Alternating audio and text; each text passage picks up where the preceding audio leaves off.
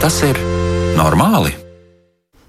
Esiet sveicināti! Ēterā raidījums Vai tas ir normāli? Studijā Kristiāna Lapiņa un pie skaņpults Mārtiņš Paeglis. Šis ir raidījums par psiholoģiju, par mentālo veselību un dzīves kvalitāti kopumā.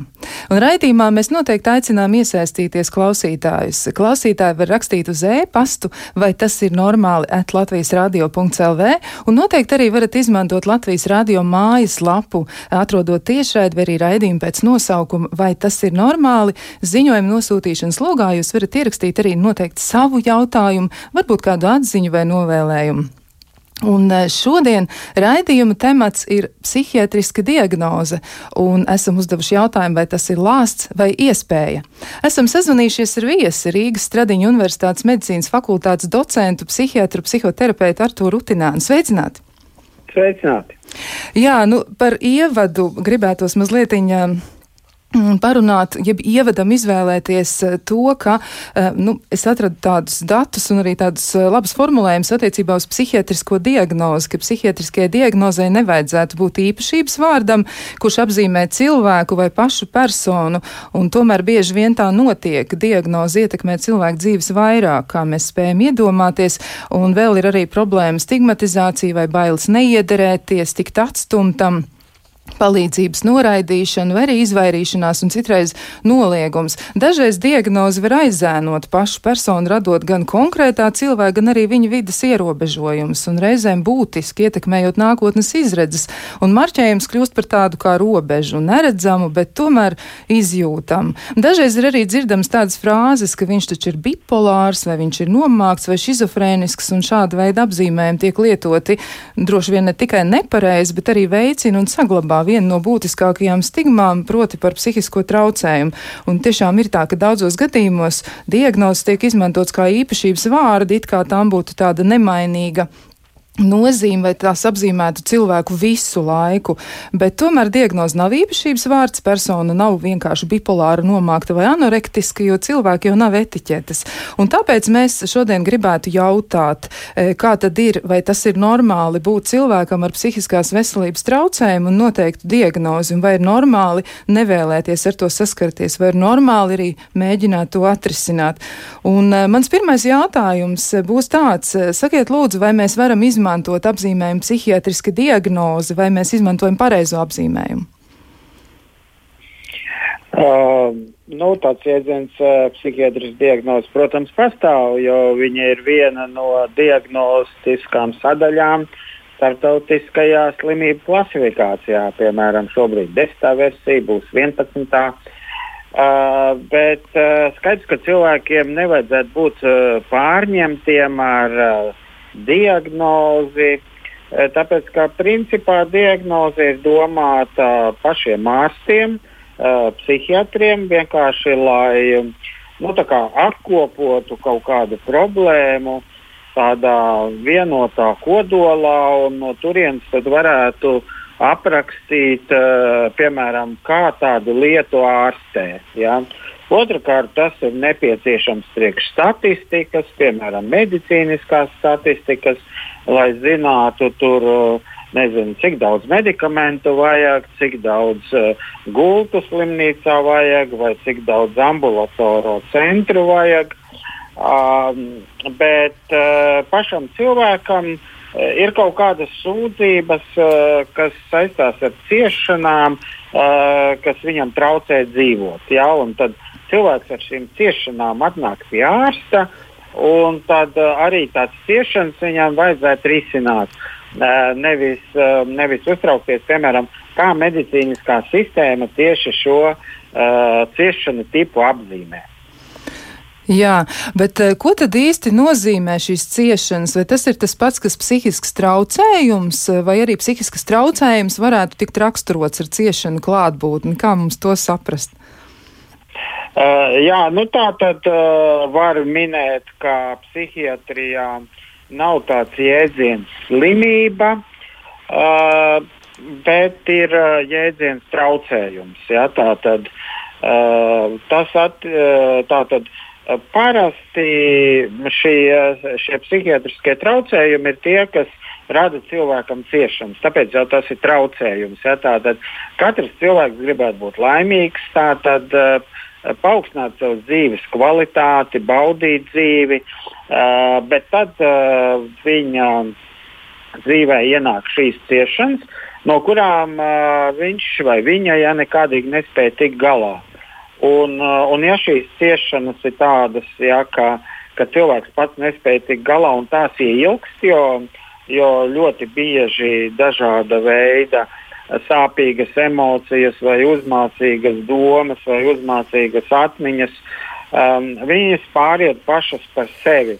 Un faktiski katram cilvēkam ir kaut kādas uh, uh, ik pa brīdim um, uzpeld kaut kādas uh, jocīgas domas vai atmiņas, kas var būt uh, destruktīvas pret sevi, nu, piemēram, kaut kādas suicidālas, tas ir pašnāvība idejas, vai arī domas tur kādu piekaut vai kādam atriepties, uh, vai ir domas, ka ar tuviniekiem var notikt kaut kas slikts, vai ka pašam ir vēzis. Nu, tādas domas uznāk katram cilvēkam. Uh, bet tas uh, psihiatriskais traucējums tiek uh, diagnosticēts tad, uh, ja šīs uh, domas vai sāpīgie pārdzīvojumi ir kaut kādu ilgāku laika vienību. Jā, piemēram, parasti īsākais laiks, tad var uh, nu, uzlikt tādu diagnozi, kā traucējums ir divas nedēļas. Piemēram, depresijai. Jā, tas ir ļoti dziļi nepatīkams pārdzīvojums, un tad, ja viņš ir ilgāks par divām nedēļām, uh, Eh, tad, piemēram, var likt diagnozi depresiju. Tad, piemēram, sēras eh, zaudējot kaut kādu cilvēku ir normāls pārdzīvojums, eh, taču nu, pēc šobrīdējās klasifikācijas ja tas ir ilgāk par vienu gadu. Bet te atkal taisās salīdzināt līdz pusgadam, nu, bet paliksim, teiksim, ilgāk par vienu gadu. Tad uh, varbūt tā sauc par ilgušām sērām, uh, un tas, vai, tas tiek nosaukts kā traucējums. Uh, vai, piemēram, uh, citi laika periodi ir seši mēneši, uh, piemēram, miega traucējums, dažādas seksuālos traucējumus ir ilgāk par sešiem mēnešiem un nepāriet, un cilvēks nevar tikt no tiem vaļā.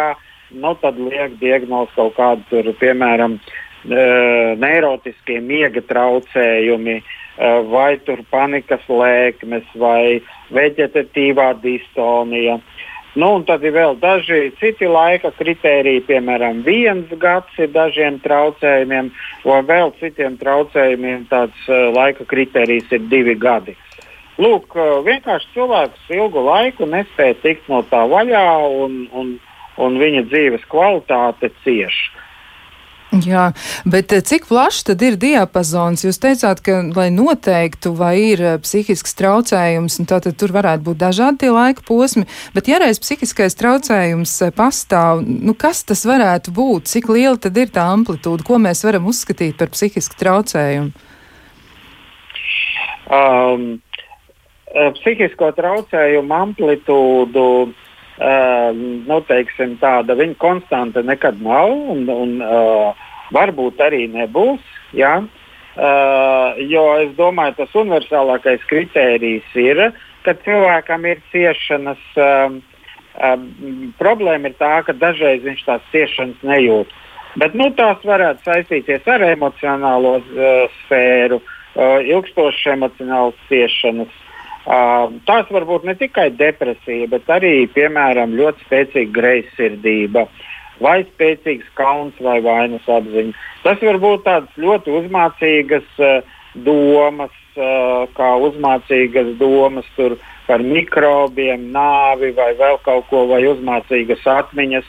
Un tā var būt kaut kāda uzvedība, kas cilvēkam nav par labu, jā, piemēram, tā tā saucamā tāda suicidālā vai parasuicidālā uzvedība, jeb tā paša nervu anoreksija, uh, kad uh, no, nu, cilvēks vienkārši bojā savu ķermeni, savu ķermeņa labsajūtu ar tādu patoloģisku badošanos, vai arī pārēšanos un pēc tam vemšanu. Ja?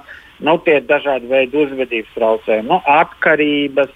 Kā piemēram, sākot ar smēķēšanas atkarību, kas nav labi fiziskai veselībai, beidzot ar alkoholu, narkotiku.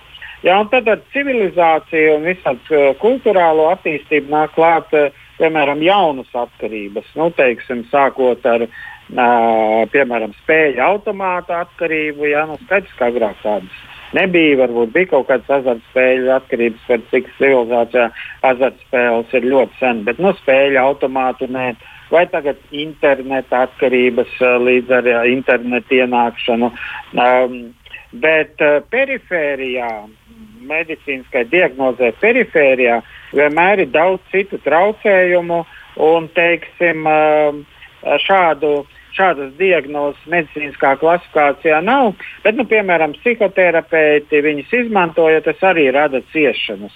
Uh, piemēram, kāds cilvēks ir, uh, viņam ir tik uh, spilgta vizuālā pasaule, uh, ka viņš aiziet fantāzijās tik dziļi, ka vairs nespēja atšķirt uh, īstenību no fantāzijām. Saucās uz fantāzijām tendēta personība. Uh, Vai, piemēram, tāda tā diagnoze kā um, ortoreksija nervoza, jā, ka um, cilvēks paliek tāds fanātiski atkarīgs no ļoti veselīgas ēšanas.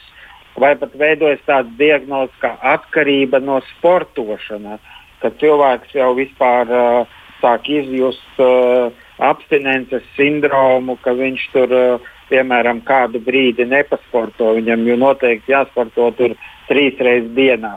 Ja nu, tāda veida dažādu uzvedības īpatnību, teiksim, oficiālajā medicīniskajā klasifikācijā nav, bet, nu, kas zina, ja teiksim, tas skaits pavairojās un, aiz, un pie, uh, savācās pierādījumi, ka tas lūk, tomēr ir kaitīgi un nes cilvēkiem ciešanas, un arī viņu ģimenes locekļiem ciešanas, tad, piemēram, var tas parādīties šajā psihiatriskajā klasifikācijā. Nu, viens no neseniem piemēriem ir ēšanas atkarība. Ja? Tā nav nervu bulimija, kur cilvēks pārādās un pēc tam izvēmjās. Bet vienkārši, kur cilvēks pārādās un par to ļoti pārdzīvo, jo uh, krājas liekais svars, un, un cilvēkam, piemēram, nepatīk, kāds viņš izskatās spogulī. Um, nu, tad ir tagad, lūk, tāda diagnoze nāk iekšā. Amerikāņu psihiatriskā klasifikācijā viņa vienāca jaunajā un droši vien būs starptautiskajā jaunajā, kas saucās impulsīva pārēšanās. Jā, tā tad aizvien papildinās saraksts, bet uh, mans jautājums ir arī tāds, es atradu datus, ka Latvijā ir reģistrēta apmēram 80 tūkstoši pacienti, kas apmeklē valsts apmaksātu psihiatru. Varbūt, ka tie dati šobrīd ir nedaudz citādi, jo man bija pieejami 2016. gada dati, un vēl arī mm, ir tā, ka pētījuma dati rāda, ka 6 līdz 7% cilvēku mūsu populācijā sirgst, piemēram, ar depresiju, bet dažādu iemeslu dēļ daudzi līdz ārsta kabinetam tā arī nenokļūst. Varbūt jums ir kāds skaidrojums, kādēļ cilvēki cilvēki nenonāk līdz ārstam vai arī nemeklē palīdzību, jo izklausās, ka tiešām nu, to diagnožu e, varietāti vai, vai iespējamie traucējumi tiešām ir daudz un dažādi, bet tomēr nu, liekas tāda daudz apspriest problēma kā depresija, un tomēr cilvēki neaiziet līdz psihiatram vai nemeklē palīdzību. Kāds ir jūsu skaidrojums, kāpēc tā notiek? E, jā, nu, tas ir saistīts ar um, tātad mūsu psihes funkcionēšanas sarežģītību. Redzat, vieni cilvēki ir labāk refleksējoši, labāk emocionālo inteligenci un, piemēram, svešvārdos tas saucās Uh, ego sintoniskie simptomi un ego distoniskie. Ego distoniskie nozīmē, ka uh, cilvēks sajūt kaut kādas ciešanas, Un viņš, no šī, un viņš padomā, ka šīs spiešanas um, nu, tas nav normāli, ja, un ka ar to būtu jācīnās un ka no tā jātiek vaļā. Egosintoniski tas nozīmē, eh, ka cilvēks to uztver kā pašsaprotamu. Piemēram, eh, pat uh, varbūt savus spriedumus, kas ir ļoti depresīvi, vai, ar, vai pat ar pašnāvības plāniem, uzsver kā tādus paši par sevi uh, saprotamus, vai pamatotas, piemēram, man liekas, ka man šobrīd nav izējas, uh, piemēram, dzīve ir bezcerīga, tāpēc nav vērts tālāk dzīvot. Un cilvēks neiedomājās, uh, ka tas ir depresijas iespējā un ka tur ir domāšanas kļūdas, piemēram, jā, ka uh, tas, ka man liekas, ka šī situācija ir bezcerīga, nenozīmē, ka viņa patiešām ir bezcerīga. Uh, un ka tur uh, nav iespējams šajā situācijā palīdzēt. Tāpēc nu, šajos gadījumos varbūt arī iedzīvotājiem palīdz šo diagnožu nosaukumi, ja kāds um, empātisks ģimenes loceklis vai draugs pasaka, uh, klausies, tas, kā tu domā, nemaz nav loģiski, uh, tev vienkārši ir depresija. Depresija tā ir tāda slimība, un to var ārstēt, un tad tā dzīve tik brūma neizskatīsies. Uh, nu, ja tāds cilvēks pēkšņi padomā, nu, ja nu tiešām viņam ir taisnība, tad jā, uh, viņš var aiziet arī uz ārstēšanos, bet viņš var arī nenoticēt. Uh, viņš domā, ko nu tu muldi. Uh, Vai, piemēram, līdzīgs eh, ļoti vecs piemērs ir ar alkohola atkarību. Ja, kad alkohola atkarīgie, atkarīgie viņi neuzskata, ka viņiem ir lūk, šī diagnoze alkohola atkarība. Ja, ja kāds saka, un ko ļoti bieži tuvinieki tiešām saka, eh, ka tev jau ir alkohola atkarība, ja, tad nu, cilvēks netic, viņš saka, man nav nekāda atkarība, jo es varu pārtraukt jebkurā mirklī, kad es gribu. Piemēram, viņam liekas, ja es varu noturēties trīs dienas nelietojis alkoholu, tas nozīmē, ka es neesmu atkarīgs. Ja tāpēc, ka es noturējos vesels trīs dienas. Ja? Tādējādi viņš uh, neuzsver um, to, ka viņš spriež neloģiski. Ja?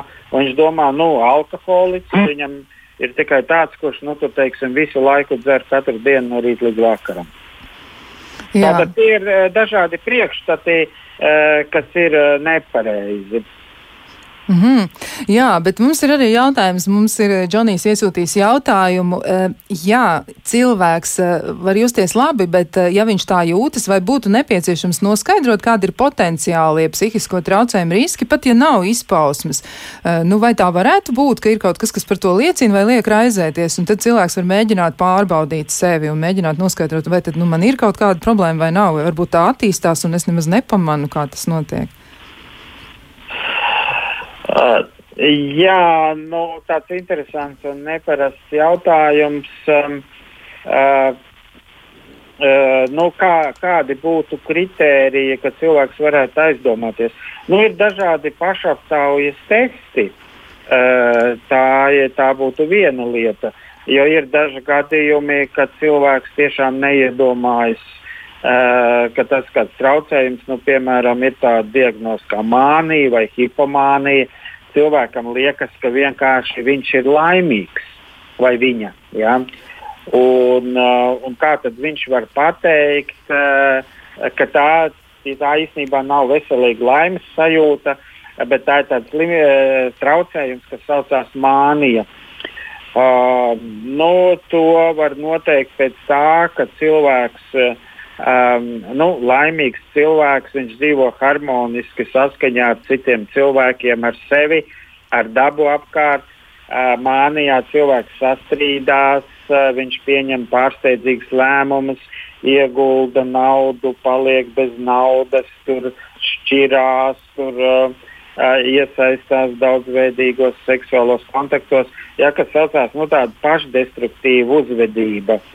Tad, kad viņš no tās mānijas iziet un ir kaut vai normāla gara stāvokļa periods, tad cilvēks saprot, ka nu, es esmu izdarījis kaut kādas tādas darbības, par ko man tagad žēl, un tagad, un tagad ir ciešanas, ka es esmu izgājis no šī perioda. Uh, vai pat iestājās depresija, kad cilvēks sāk mocīties vainas apziņā, kā es sevi esmu apkaunojis un cik daudziem cilvēkiem es nodarīju pāri. Bet pašā mānijas periodā šis cilvēks to uh, neapzinās.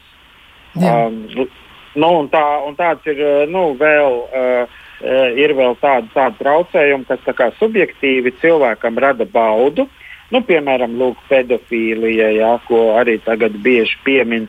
Um, nu, cilvēkam pats par sevi šis seksuālais kontakts rada baudu, un tātad viņš nedomā, ka ar šādu lietu būtu jāgriežas pēc palīdzības, un tas būtu jārastē.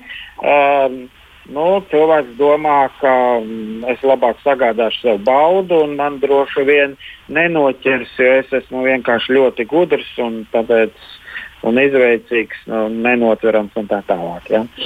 Jā, tikšu galā. Jā, bet jūs teicāt, nu tā tad cilvēks var justies ļoti laimīgs un nesaprast, ka tas varētu būt arī problemātiski. Liekas jau, ka biežāk mēs pieķeram sevi pie tā, ka mēs jūtamies diezgan nelaimīgi. Bet vēl arī jautājums eh, par to, vai tad tas ir uz mūžu vai arī tas ir labojam, jo var būt, ka daļa no eh, cilvēkiem raizējas par savu psihisko veselību, bet tomēr nojaušot, ka kaut kas nav īsti kārtībā, viņi neiet pie speciālista tā iemesla dēļ, ka viņiem liekas, ka tagad viņiem būs tāds, nu viss tagad būs būs birka klāt un, un tas būs uz visiem laikiem un ka tas radīs problēmas? Uh, nu, teiksim, tādas birkas uh, uh, reālajā dzīvē cilvēks neietekmē, izņemot varbūt, ka uh, nu, teiksim, cilvēkam kauns, uh, ja kāds gadījumā uzzinātu, piemēram, par to.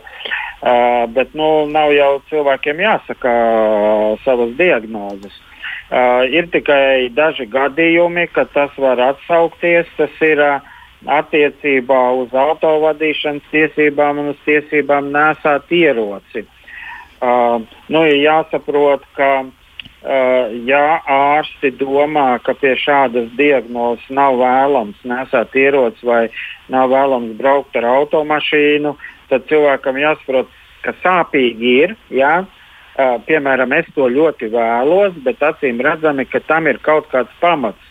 Piemēram, ja šis cilvēks uzbrauks kādam virsū, nu, viņam būs liels nepatikšanas, vai, vai, piemēram, ja viņš impulsīvi nevalda sevi un, un teiksim, kādu sašaus ar ieroci nevietā.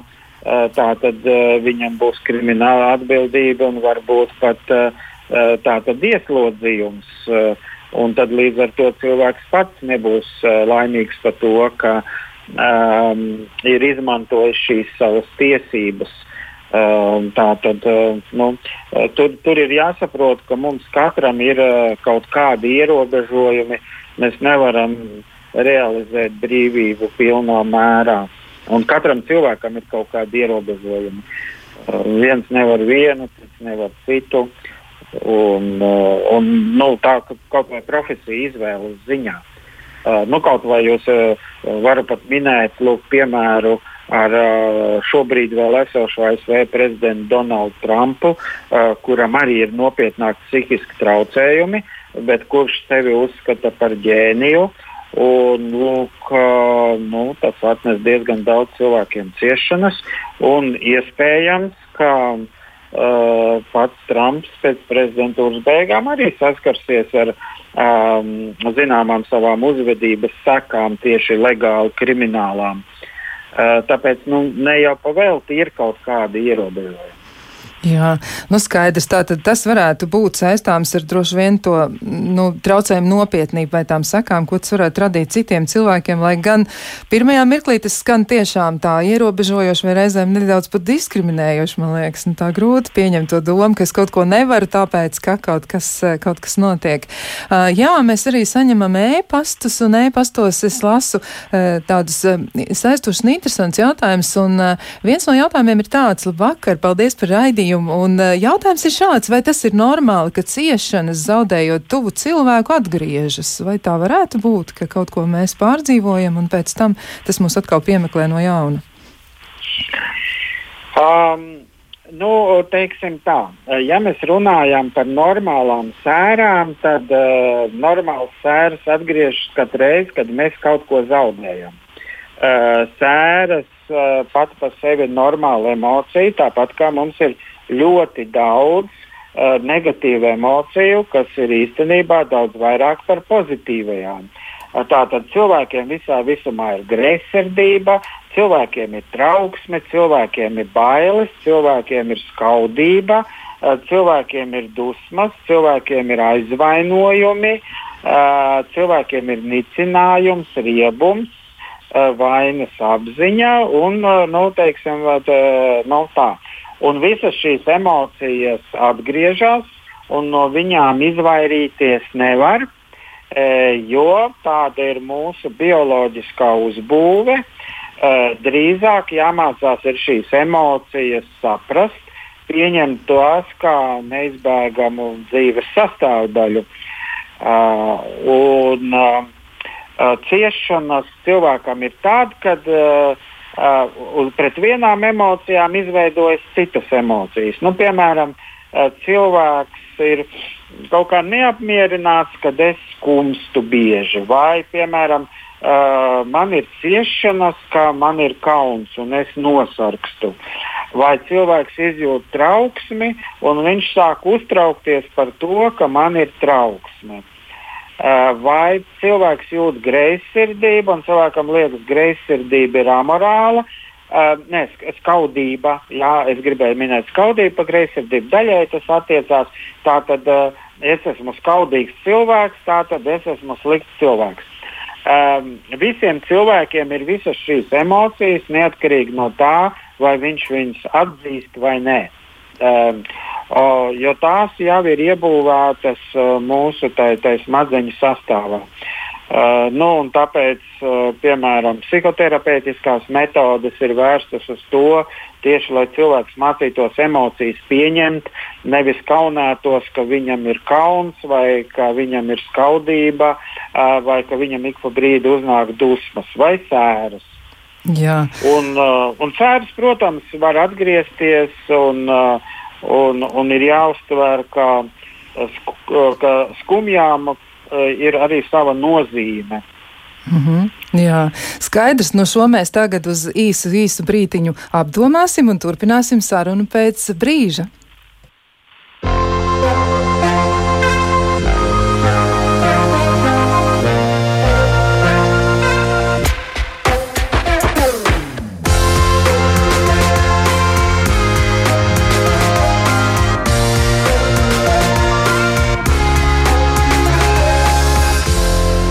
Vai tas ir normāli? Jā, esam atpakaļ. Mēs šodien runājam par tematu psihiatriska diagnoze, lāsts vai iespēja, un mēs e, atbildēsim arī uz jūsu jautājumiem, ko esat atsūtījuši. Bet vēl es gribu atgādināt, e, jūs varat iesūtīt savus jautājumus e-pastā, vai tas ir normāli at Latvijas radio.lv.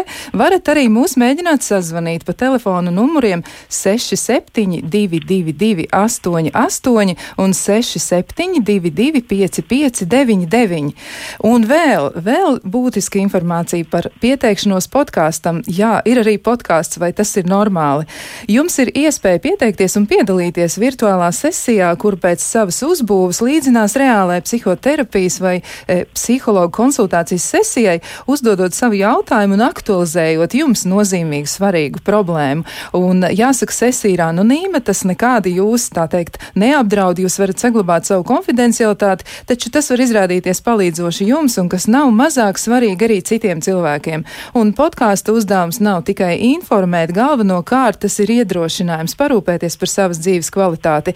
Un pieteikties jūs varat tāpat sūtot īsu savas problēmas pieteikumu uz e-pastu, vai tas ir normāli, at Latvijas radio un Latvijas radio.lv. Un mēs ar jums sazināsimies. Tātad pateikšu vēlreiz, vai tas ir normāli at Latvijas radio.clv.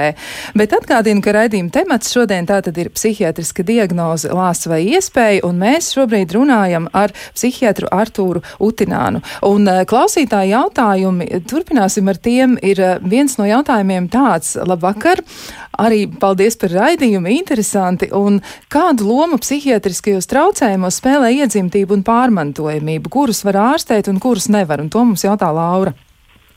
Kā tad ir eh, pārmantojamība, jeb iedzimtība, kādas tad ir, eh, nu, kāda ir ietekme, un, eh, un vai ir tādi, ko arī nevar izārstēt, nu, kas tā tiešām tā arī būs? Pārmantojamība un iedzimtība divi atšķirīgi jēdzieni, bet Jā. es tajos neiedziļināšos. Tā tad psihiatriskajos traucējumos ģenētiskā komponente ir tikai daļa no tā, ko saucās biopsihosociālie traucējumi iemesli. Principā tie gēni, kas ņem dalību cilvēka uzvedībā, emocionālos pārdzīvojumos, kas saistīti ar cilvēku psihiju, viņi aktivējas tikai kaut kādā sociālajā kontekstā. Jā, tāpēc gēnu darbību no apkārtējās vides nodalīt nevar. Piemēram, katra negatīvā emocija, ko mēs jūtam, ir ģenētiska. Um, mums ir greizsirdība, tāpēc, ka tas ir gēnos, mums ir skaudība, tāpēc, ka tas ir gēnos, mums ir sēras, tāpēc, ka tas ir gēnos, un mums ir prieks, tāpēc, ka tas ir gēnos, un interese zinātnē mums ir gēnos. Uh, bet uh, cik, tā, uh, cik tie gēni aktivēsies, vai vispār paliks klusi uh, un nemanāmi, tas ir atkarīgs no dzīves pieredzes, ar kādām sociālajām situācijām mēs saskaramies. Uh, protams, ka cilvēkam ir kaut kādas tādas dispozīcijas, ka vieni gēni viņam aktivējas vieglāk nekā citi. Uh, nu, piemēram, šizofrēnija skaitās viens no tādiem traucējumiem, kam ģenētiskais moments ir diezgan izteikts. Bet uh, vienas olšūnas dviņiem, tas ir uh, divi dviņi, kam ir pilnīgi vienādi gēni. Tātad, ja viens dvīnis saslims ar schizofrēniju, risks otram dvīnim ir 50%. Tas nozīmē, nu, ka mēs nosacīti varam sadalīt tā, ka 50% gēni, 50% apkārtējā vide. Tāds traucējums kā bipolārie traucējumi, uh, nu, tur gēnu ietekme ir lielāka, uh, pēc dažādiem pētījumiem no 70 līdz 93 procentiem. Uh, kam cilvēkiem uz to ir tendēts, jā, tad, tad lūk, um, ir šie, uh, šī ģenētiskā ietekme lielāka nekā vidas ietekme, bet nu, tas nenozīmē, ka uh, mēs nevaram arī neko darīt uh, šajā gadījumā. Uh, nu, tur, kur, uh, tur, kur ir gēni, gēni ietekme lielāka, tur pārsvarā ir farmakoloģiska ārstēšana. Tāpēc tā schizofrēnija vai bipolārie traucējumi, uh, tur noteikti būs kaut kādi medikamenti. Uh, jā, un medikamenti gēnus nemaina, jā, tāpēc principā uh, pie tādiem traucējumiem tas medikaments būs jālieto visu mūžu vai gandrīz visu mūžu. Uh, Nu, tas ir tāpat līdzīgi kā pie cukura diabēta. Cilvēkam visu mūžu jālieto insulīns. Jā. Uh, un tad tur uh, psihoterapija, piemēram, ir uh, papildus uh, metode. Uh, nu, citos gadījumos tā tad uh, uh, varbūt vides faktori ir lielāki, vairāk tas saistīts ar kognitīvajiem faktoriem, tā saucamo domāšanu. Uh, tur eh, tad, lūk, ir iespēja sākt ar psihoterapiju. Uh, tikai tad, ja psihoterapija nepalīdz kaut kādu iemeslu pēc, protams, tieši tāpat kā medikamentus var mainīt, var mainīt dažādas psihoterapijas metodes, jo ir gan psihodinamiskās, gan kognitīvi-behaviorālās, gan interpersonālās. Psihoterapija var būt individuāli, var būt grupā. Tieši tāpatās kā medikamenti ir dažādu grupu, piemēram, antidepresanti, lielie tranquilizatori, mazie tranquilizatori, un tiem tur ir visādas apakšgrupas. Nu, un tad uh, vienu vai otru vai abas metodes var lietot kopā. Uh, tāpat tagad zināms, piemēram, depresijām trešā pamata ārstēšanas metode skaitās fiziskās aktivitātes, jeb sportošana, regulāri, vismaz trīs reizes nedēļā, um, kas aktivē tā saucamos dabiskos antidepresantus. Uh, tātad, lai cilvēks justu pozitīvas emocijas vairāk un negatīvas emocijas mazāk, uh, tam ir nepieciešami dažādi iemesli. Jā, piemēram, uh, fiziskās aktivitātes, tas nav luksus, tas nav ārējam izskatam, tikai tā ir uh, ķermeņa ārstēšanas metode. Tāpat tās ir sociālie kontakti, attiecības, ja mēs esam sociālas būtnes vai, kā dažreiz saka, sociāli dzīvnieki. Tāpēc, ja cilvēks dzīvo norobežot, izolēti, viņš ir kašķīgs vai ļoti introverts, nemāk izveidot attiecības, uh, viņam sākas depresija, tāpēc, ka viņam nav uh, veiksmīga attiecība dzīvē, vai viņš nemāk aktivēt um, dabiskos antidepresantus, jā, dabiskās pozitīvās emocijas. Jā. Un, uh, un līdz mm -hmm. ar to principā mums visu dzīvi kaut kas ir jādara, lai būtu pozitīvās emocijas. Jo tās ķīmiskās vielas, kas ir mūsu organismā, kas rada pozitīvās emocijas, kā piemēram dopamīns, serotonīns, uh, uh, tātad dažādi um, endorfīni, uh, nu, uh, viņi neizdalās, uh, ja nav iemesla. Ja? Tā tad jābūt kaut kādiem šiem kontaktiem, um, kontaktiem ar sociālo vidi. Uh, un, un, tiem, un tiem kontaktiem jābūt tādiem harmoniskiem, uh, labvēlīgiem, tātad uh, mīlestība, dažādu veidu mīlestība, fiziski kontakti, glāsti ir tie, kas aktivē šīs bioķīmiskās vielas. Jā, tā tad visādi varianti ir izmantojami, redz, kā arī fiziskās aktivitātes. Tas nozīmē, ka mēs daudz ko paši tad laikam varam arī izdarīt un iesaistīties.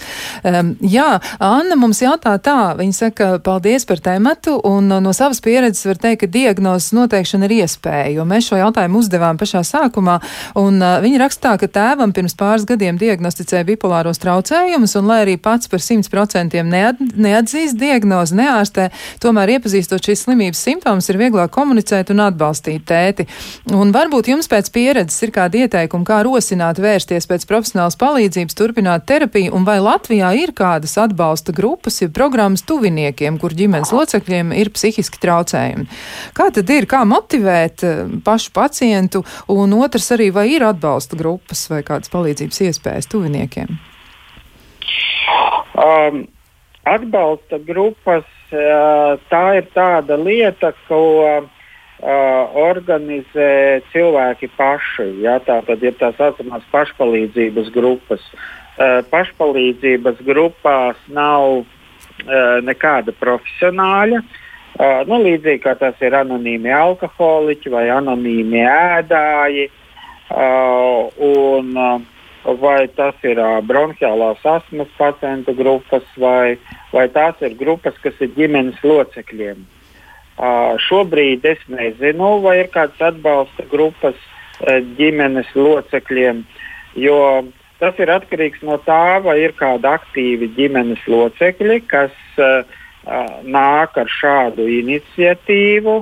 Un līdz ar to šādu atbalstu grupu viņi izveido. Tāpēc es ieteiktu uh, um, internetā meklēt uh, līdzīga cilvēkus, kam arī ir uh, nu, teiksim, ģimenes locekļi ar uh, bipolāriem traucējumiem.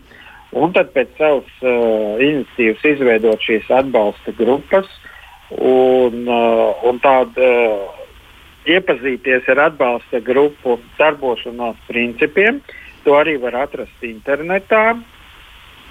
Un tad, ja atbalsta grupas vēlas uh, atrast sev sponsorus vai samest naudu, viņas var veidot dažādus pasākumus, aicināt profesionāļus ar uh, kaut kādām tur lekcijām vai nodarbībām. Uh, un līdz ar to arī var apmainīties ar pieredzi, kā savus ģimenes locekļus motivēt, uh, tomēr iet pēc palīdzības, vai tie ir bipolārie traucējumi vai alkohola atkarība. Uh, nu, grūtāk ir tajās ģimenēs, kur ģimenes locekli uh, kaut kādu kaut kāds ļoti nopietnas, biežāk neiroloģiskas nekā psihiatriskas saslimšanas dēļ motivēt nevar, nu, kā piemēram vecuma demence, Alzheimer saslimšana uh, vai tur, uh, piemēram, uh, Uh, kam ir autiski ģimenes locekļi, gan bērni, gan arī nu, tā saucamie pieaugušie bērni uh, ģimenēs vai uh, ar tā saucamo oligofrēniju, jeb ļoti zemu intelekta pakāpi. Nu, tā, es domāju, tur, tur ir tādā ziņā jābūt ir iniciatīvai. Nu, un, ja ir kaut kādās pašvaldībās, ja kaut kādas pašvaldības palīdz uh, šajā ziņā, tad uh, tas, protams, būtu ļoti labi. Bet, uh, bet es tā konkrēti tādas programmas nezinu. Pēc palīdzības var citreiz vērst, vērsties tā saucamajos ambulatoros psihiatriskajos stacionāros. Rīgā, piemēram, kas ir nu, teiksim, katrā rajonā, un tur ir dažādi tā saucamie dienas stacionāri, bet, tur, bet tur var tikai nu, tie paši pacienti iet. Jā, eh, nu tā tad jāinteresējās vai arī jāmēģina veidot savas, savas kopienas un tad mēģināt saprast, kā tas ir, ja tādas, nu, tā kā tiešām tuvinieku grupas, kas varbūt var mēģināt apvienoties. Droši vien, ka arī sociālajie tīkli varētu palīdzēt, bet vēl mums ir jautājums, mums Elizabete jautā, eh, nu kā piemēram par to runāt ģimenē vai ar draugiem, un vai arī to vajadzētu darīt zinām darba devējam, jo reizēm tas ir ļoti sarežģīti, ja cilvēks apzinās, ka viņam ir, nu, piemēram, tā pati depresija, kas sagādā reizēm diezgan liels problēmas, un cilvēkam nav nemaz tik viegli ar to tik galā.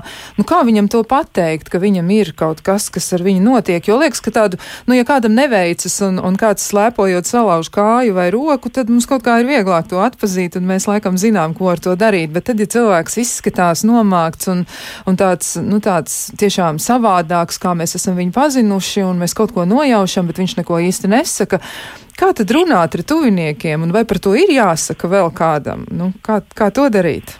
Nu, es nedomāju, ka darba devējam tas būtu jāsaka. Man tā kā grūti iedomāties, uh, kā tas varētu palīdzēt. Uh, uh, uh, es domāju, ka jāmēģina ir vērsties pie cilvēka un jāsaka viņam tiešā tekstā, jā, ka man izskatās, ka tev ir depresija. Ja, un, un pirmais solis tev vajadzētu aiziet un paprasīt to ģimenes ārstam. Ja. Uzreiz nemaz nav jāsūta uh, nu, tā tad, ja cilvēks nevar tam noticēt, uzreiz uz kaut kādu psihiatrisku iestādi vai psihoterapeitu. Ja? Nu, pieņemsim, cilvēki baidās, ka nu, tas, tas radinieks apvainosies. Uh, bet pie ģimenes ārsta nu, vēl viens uh, veids ir uh, iedot aizpildīt kādu no šīm pašaptaujas anketām, uh, kas attiec uz depresiju, piemēram, ir vietne uh, depresija.lv. Tur ir tāda depresijas anketa, kas saucās PHQ9. Tur ir tikai deviņi jautājumi, nav nekāda garā. Un pēc tās var diagnosticēt ne tikai ir vai nav depresija, bet arī saskaitot punktus, kāda depresijas pakāpe tā ir - viegla, vidēja vai smaga. Uh, un uh, līdz ar to, nu, teiksim, tā, cik steidzami jāvēršās un, un viegla depresijas pakāpe uh, vislabāk iet pie psihoterapeita, nu, vidēji vai smaga noteikti uh, tur vajag antidepresantu piesaistīšanu klāt. Nu, ja cilvēks pārliecinās, jā, ka tests uzrāda depresiju, uh, nu, varbūt uh, viņu tas var pārliecināt, uh, ka, ka nu, teiksim, ar manu prātu kaut kas notiek, ja par, par ko es vairāk pats nekontrolēju. Jā, bet kāda ir tā jūsu kopējā izjūta par to, vai sabiedrībā mazinās stigma, jo tomēr nu, ļoti tādos, var pat teikt, senos laikos nu, bija tā, ka cilvēki no psihiatriskām diagnozēm vai psihiskiem traucējumiem savā ziņā baidījās. Varbūt arī tagad ir tā, ka ir grūti to pieņemt kaut kādiem iemeslu dēļ. Nu, jā, joprojām tā ir. Uh, stigma būs un pastāvēs. Es visu es domāju, ka stigmot viens otru ir atkal viena mūsu smadzeņu nepatīkama īpašība. Uh, tā kā es nedomāju, ka tas beigsies, stigmošana rodas kaut vai no tā, ka redzat, uh, tā tad tie cilvēki, kas sociālajā statusā ir augstu, uh, un viņi ir veiksmīgi un jautri, atklāti un komunikabli, tie tiek vērtēti augstu.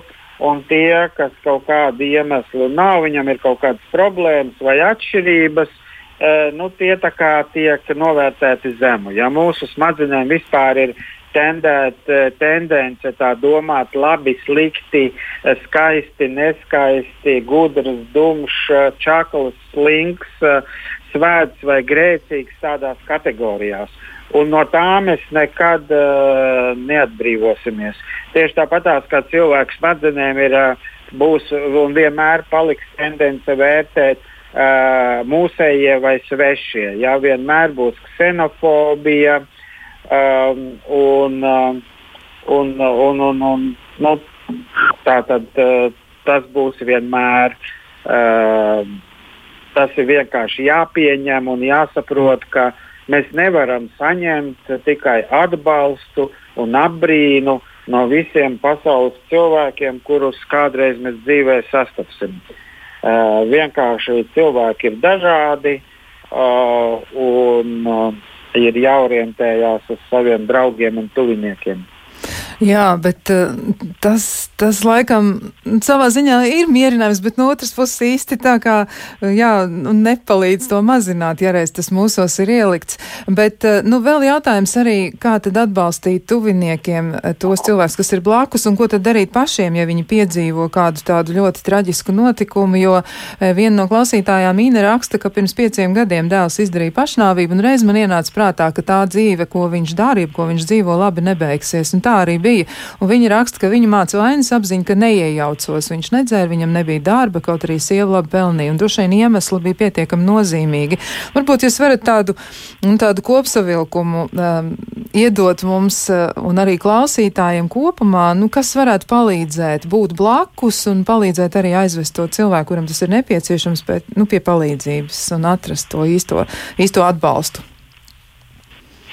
Nu, jāsāk, es domāju, ir ar ģimeni un vienmēr jāpadomā par to, ka katrā ģimenē jābūt um, apmēram kādiem 60, 70 dažādiem rituāliem un paražām, uh, kā ģimenes locekļi iegūst pozitīvas emocijas. Ja, pamēģināt apsēsties tagad un uzrakstīt, cik manā dzīvē ir veidu, kā es sajūtu pozitīvas emocijas Eh, tā tad uh, ir ģimenes, kur ir maz tādu rituālu.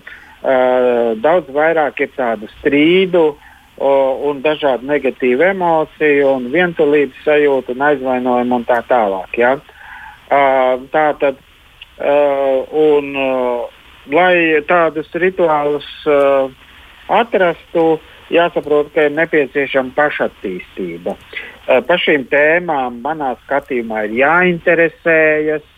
Uh, piemēram, nu, cilvēki interesējas par daļu literatūru, uh, nu, viņi skatās mākslas filmas, iet uz teātriem, iet uz baznīcu. Jā, nu, protams, tas viss ir ļoti labi, uh, bet vispār būtu jāinteresējas arī par psiholoģisko literatūru un kā kontrolēt savas emocijas, kā nodarboties ar pašattīstību uh, un tā tālāk. Uh, tātad, ja šis pirmais solis uh, ir? nepalīdz, Uh, nu, tad ir uh, speciālisti, pie kā var griezties. Uh, sākot ar krīžu palīdzības sniedzēju, beidzot uh, psihologi, psiholoģiskas konsultācijas, un tad ir uh, psihoterapeiti.